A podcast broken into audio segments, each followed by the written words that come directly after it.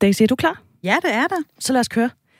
Hold da op. Øh, sikke en start, var med, med det nye program. Det gik da meget godt. Ja, det gjorde det. gik så godt. Og vi har underkøbet fået lytterhenvendelser. Det er jeg sindssygt glad for. Ja, dem glæder vi os til at dykke ned i. Det gør vi. Der er meget godt stof til de kommende programmer, lad os sige det på den måde.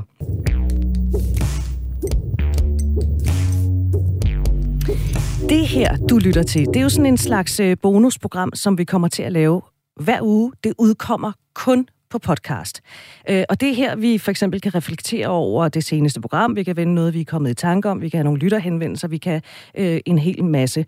Men i den her udgave af Vi har lyst til mere, som vi kalder det, Ja, der skal vi måske lige forklare, hvorfor vi mener, at det er vigtigt med det her program det synes jeg er en god idé. Altså, der er jo ikke nogen hemmelighed i, at vi har talt en del frem og tilbage, inden vi rent faktisk landede det. Og det kom så sådan lidt af en fælles lyst til at tale mere om de her ting. Det er så nemt at blive fuldstændig lost i forestillingen om, hvordan de andre har det, og alle har det meget bedre, har meget bedre sex, og meget mere lyst, og meget mere gang i kærlighedslivet, og meget mere af det hele. Og når vi så bruger meget af vores tid på de sociale medier, og vi sammenligner os selv med andre, og det er jo menneskeligt at gøre, så har vi også virkelig, virkelig behov for det modsatte, nemlig et meget ærligt rum til at kunne tale om de vigtigste ting i livet. Og det er det, vi virkelig gerne vil skabe. Det her det er et sted, hvor vi gerne vil begynde ærlige samtaler om det, der betyder noget. Og du har jo igennem, jeg har jo ikke gået på seksologskole eller sådan noget, altså, men du har jo igennem rigtig mange år talt med både par og, og singler om, ja. Om alt det her. Præcis. Man kan sige, det er jo på en eller anden måde, uden jeg ved om det kan lyde lidt som kliché, så er det jo meget min store passion, og meget det, der giver mig mening i mit liv, det er jo faktisk at holde det her rum for andre. Og jeg har interesseret mig for det her altid. Altså, jeg begyndte jo med at læse romaner, da jeg var ret ung. Altså, jeg tror, jeg begyndte at læse romaner, da jeg var 12. Altså Og det- lægeromaner lægeromaner, fortsat noveller i ude og hjemmet, øh, Pigen med den blå cykel, tegneserier, erotisk litteratur, alt hvad jeg overhovedet kunne få fingrene i, der bare på en eller anden måde fortalte om sex og kærlighed. Så man kan sige, for mig har det jo været en livslang interesse, og det forestiller jeg mig også, at det, at det bliver ved med. Og jeg har virkelig tænkt over, hvor mange mennesker, der har en længsel efter at tale om det her, for det er så privat. Vi taler ikke så dybt med vores venner eller veninder om det her, fordi det er så mega sårbart. Så det er faktisk en af de områder, hvor jeg stadigvæk oplever, at der er meget tabu. Og mange af mine klienter kommer ikke nødvendigvis, fordi de som sådan har et problem. Det har de måske også, eller et dilemma eller en udfordring, men de kommer også, fordi de har brug for et fortroligt rum til at være helt ærlige. Men det, der er interessant, det er, at du siger, at vi taler jo ikke med vores venner, øh, veninder, vores kolleger om det, naturligt nok. Men det værste er, at vi taler heller ikke nødvendigvis med vores partner om det, hvis vi har en sådan. Præcis. Der er jo rigtig mange par, jeg oplever, som kommer, som i virkeligheden har lidt det der, jeg kalder det nogle gange det landet, er, er det usagte imellem sig, at de kan godt sætte sig ned og tale om økonomi, eller hvor vil vi gerne rejse hen, eller hvordan gør vi med familien, men de kan ikke sætte sig ned og sige, prøv en gang, hør her. Jeg vil kan vildt gerne have, godt du beder ja. mig. ja, præcis. Eller jeg har den her fantasi, eller jeg tænder på det her, eller i virkeligheden kan jeg ikke særlig godt lide, når du gør det her, eller i det hele taget bare til at vise de der meget, meget sårbare ting, fordi vi er så bange for at såre den anden, og vi er så bange for at være forkerte, og vi vil virkelig ikke være for meget, eller for lidt, eller perverse. Prøv at forestille dig scenariet, at man kommer med en eller anden fantasi, og ens partner bare vender det hvide øjnene, og man bare tænker, fuck, Præcis. fuck. Var det det forhold, ikke? Jo, og det sker jo. Jeg havde lige sådan et par her for nylig, som, som nu, deler jeg bare lige meget kort deres historie, eller essensen af det, så du, man vil aldrig dele noget, hvor du kan genkende dem, hvis du mødte dem. Men, men de lavede den der, kendte han på år, drak noget rødvin, og han nogle gange spurgte hende, hey, hvor mange har du egentlig været sammen med? Hun har sådan sagt, det kunne du godt tænke dig at vide. Og så efter den der flaske rødvin, så sagde hun tallet, og han gik fuldstændig i baglås. Fordi på en eller anden måde var det overhovedet ikke det, han havde forventet. Så han var på en eller anden måde heller ikke klar til den ærlige samtale. Det blev så et langt forløb hos mig, der endte med, at de kom til at kende hinanden meget bedre og meget dybere og var glade for det her. Men det, jeg tænkte mig og reflekterede over, det er, vi har nogle forestillinger om verden, og hvis vi aldrig har reelle samtaler med ret mange, så har vi ikke en idé om, hvordan vi skal tolke det.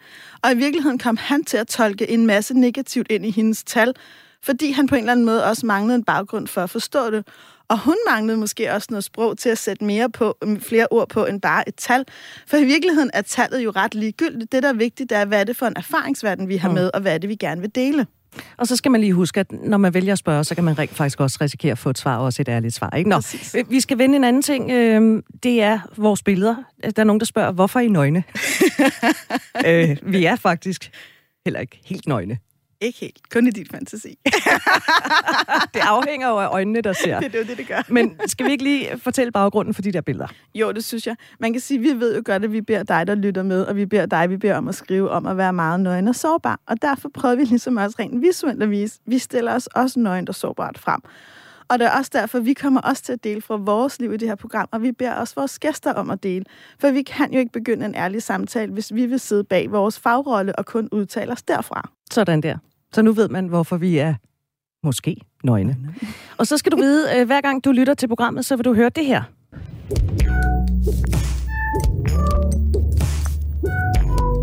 Det er musik. Det er fantastisk. Jeg er vild med det. Det er lidt. nemlig fantastisk musik. Det er et dansk band, der står bag. De hedder Detect. Et af bandmedlemmerne, det er Frederik Schumann. Hej med dig, Frederik. Hej. Tak fordi vi må bruge jeres musik. Ja, og lige måde, eller tak fordi I gør det. Ja. Det er dejligt. Det er jo, øhm, det er jo sådan noget specielt musik, er der nogen, der siger. Der er nogen, der har spurgt, om det er undervandslyde, om det er sådan delfiner, der sender signaler til hinanden, eller prøver at score hinanden, eller et eller andet. Er du ikke sød at fortælle baggrunden for det her musik? Jo, det kan jeg godt. Øhm, ganske kort så er det, det startede egentlig med, at vi, de tre fyre, som vi er, der laver det her musik her, vi spiller også i et andet band, der hedder Dans og Lær, hvor vi laver musik med fuglestemmer. Og det er altså også fantastisk. Og det er også fantastisk, og det er meget festligt og, øhm, øh, og udadvendt og alt muligt godt. Øh, på et tidspunkt så tænkte vi, skal vi lave noget andet musik end noget med fuglestemmer? Øh, fordi vi hedder Dans og Lær, vi er ikke sådan, som sådan bundet til, i navnet i hvert fald, bundet til at lave, øh, og kun at lave fuglemusik. Så derfor så begyndte vi at afsøge andre områder, og så dukker det her hjerterytme nummer op. Ikke præcis det her, faktisk et af de andre, der er på det, det album her. Og det synes vi var interessant at arbejde med, men vi fandt også ud, hurtigt ud af, at, at stemningen var en helt anden, lidt mere øh, indadvendt i virkeligheden, hvor danser lærer meget ud, udadvendt, så fandt vi ud af, at musikken her, den er mere indadvendt og mere indadskuende, og ja, og, og lidt melankolsk også, og mere minimalistisk, og der er jo også lidt mindre sang på albummet generelt, end der vil være med en danserlærerplade og sådan noget. Så vi fandt ud af, at det skulle være et separat projekt, og vi er, det er kun tre ud af fire medlemmer fra Danserlærer, der er med i Detect, øh, til daglig i hvert fald. Og hvordan fik I fat i de her hjerterytmer? Det, man vil høre, hvis man lytter til uh, albumet Cardia, det er, at der er også sådan noget engelsk tale indover. Altså, det er et undervisningsmateriale. Det er simpelthen undervisningsmateriale fra, jeg kan ikke huske, en gang i 50'erne, tror jeg, 56 eller sådan noget. Øh, og det er dukket op, fordi uh, Andreas, det ene medlem i bandet, han, er, øh, han arbejder i en pladebutik, hvor de sælger øh, og køber brugt vinyl. Og der dukkede den her plade op simpelthen, og han, han får jo alt muligt i, øh, i, i, igennem butikken. Og han har det med at tage de mest nørdede og mest skæve ting til side og se, er det noget, der kan bruges til et eller andet? Og det kunne det her godt. Øh, vi synes, det havde noget særlig stemning og øh, en, eller anden, øh, ja, en eller anden tone, som vi godt kunne lide. Og så var det også... Vi har oplevet, at der er mange, der synes, det er lidt, lidt smule nærmest ubehageligt, lidt grænseoverskridende at lytte til det her med, at der er et anatomisk korrekt hjerte inde bagved. Altså vi bruger hjertet som et rytmeinstrument. Tager udgangspunkt i det, og laver noget musik baseret på det. Og der er nogen, der synes, det er simpelthen så grænseoverskridende og nærmest ubehageligt at lytte på. Og det er jo også interessant, synes jeg. Man kan sige, at man lytter jo egentlig ind i et andet menneske. Det kan godt være, at det lyder som undervandslyde. Ja, men det er jo lyde inden fra kroppen, mm. som jo også er fyldt med, med væske og det er nok derfor, man kan høre noget undervandsagtigt. Jamen, øh, det, er det er der ikke. Det, det er der ikke. Det er ikke delfiner, og det er ikke tun, der prøver at øh, fange hinanden eller, eller noget i den stil. Øh, og jeg skal lige sige, det nummer, som, som vi bruger, det hedder Musical Systolic Murmur. Hvad betyder de her hjerterytmer så for jer, da I begyndte at arbejde med dem? Mm, altså, de betyder... Vi startede med at arbejde med dem, som var de et øh, rytmeinstrument, og, og intet andet. Helt altså, koldt og kynisk. Fuldstændig øh, sådan koldt observerende. Fordi det er lidt sådan, vi også har haft tilgang til at arbejde med fuglemusik, så tænkte vi, vi gør det samme med, øh, med hjerterytmerne. Vi betragter det som et ryt, rytmeinstrument, fordi der er mange, der meget hurtigt begynder at lægge alt mulig betydning i, især når det handler om hjertet. Der er en masse symbolik og en masse med kærlighed og sådan noget. Vi vil gerne prøve at styre udenom det der, og så må folk selv lægge i det, hvad de vil. Og det, det kan man nærmest ikke undgå, når det handler om hjertet. Mm. Øhm, så derfor så prøvede vi at bevare den tone, som der også er i originalmaterialet. Som du sagde, så er det en, en, øh, en meget tør øh, lægevidenskabelig fyr fra 50'erne, som ikke ved, hvordan han skal tale i en mikrofon. Han ved ikke noget som helst, så på en eller anden måde så er det lidt ubehjælpsomt. Men han ved jo en masse om, om hjertet. Det handler om for ham at undervise andre i, hvordan de skal identificere de her hjertefejl. Og hvert det glemte jeg lige måske at lige sige, hvert nummer på albummet er jo en hjertefejl, og, øh, og det er den her øh, Musical Systolic Murmur også en hjertefejl. Og det kan godt være, at I har forsøgt at så styre uden om alt det der med kærligheden og symbolikken og sådan noget. Det har vi så til gengæld, Daisy Ja, det svømmer vi rundt i. Ja. Ja, det er fedt, det er dejligt. Men ja. noget af det, jeg også bliver så meget rørt over, når det er, du taler, som jeg synes passer enormt godt med vores ånd, det er at invitere det hele ind. Også det, der kan være lidt ubehageligt eller lidt grænseoverskridende at lytte på. Og også fejlene. Og jeg er da super bange for, hver gang jeg er her og lave en fejl og dumme mig og sige et eller andet helt åndssvagt. Men jeg, jeg vil rigtig gerne have, at en del af det her frirum er, at vi også kan give hinanden lov til måske at lave nogle fejl, fordi ellers bliver vi jo ikke klogere. Og så er der jo det der med, med hjertet, med hjerterytmer, med, med fejl i hjerterytmen, og det kan måske være lidt uh, ujævnt. Sådan er det jo i virkeligheden også med vores lyst. Det må man Sådan sige. er det med vores liv, men så længe hjertet slår, så, Så skulle jeg sige et eller andet meget poetisk, som jeg ikke liv. komme på. eller noget i den stil. Øh, Frederik Schumann, tak fordi du vil komme og fortælle om det. Og så synes jeg faktisk, at vi skal lukke de her bonusprogram, vi har lyst til mere af med at lytte til originalen af Musical Systolic Murmur. Musical systolic murmurs usually are high pitched. Often, they are hard to hear because of their slight intensity. In the first illustration, you will easily hear a loud, harsh, musical systolic murmur.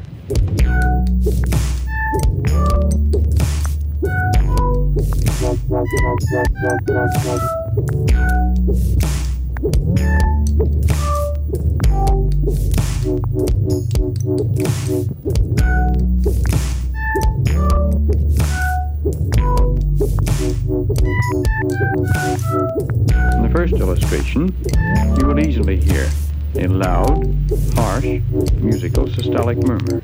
loud, harsh, musical, systolic, murmur, loud, harsh, musical, systolic, murmur, loud,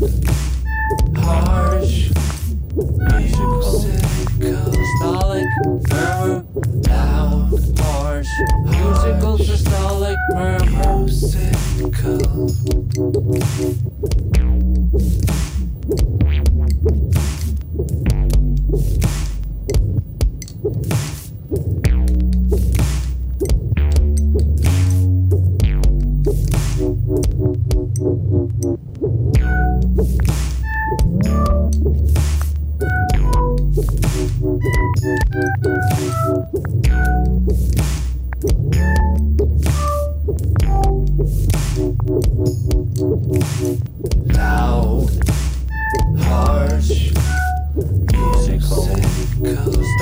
Systolic, loud, harsh, musical, systolic, murmur, loud, harsh, musical, systolic, murmur. Loud, harsh, musical, musical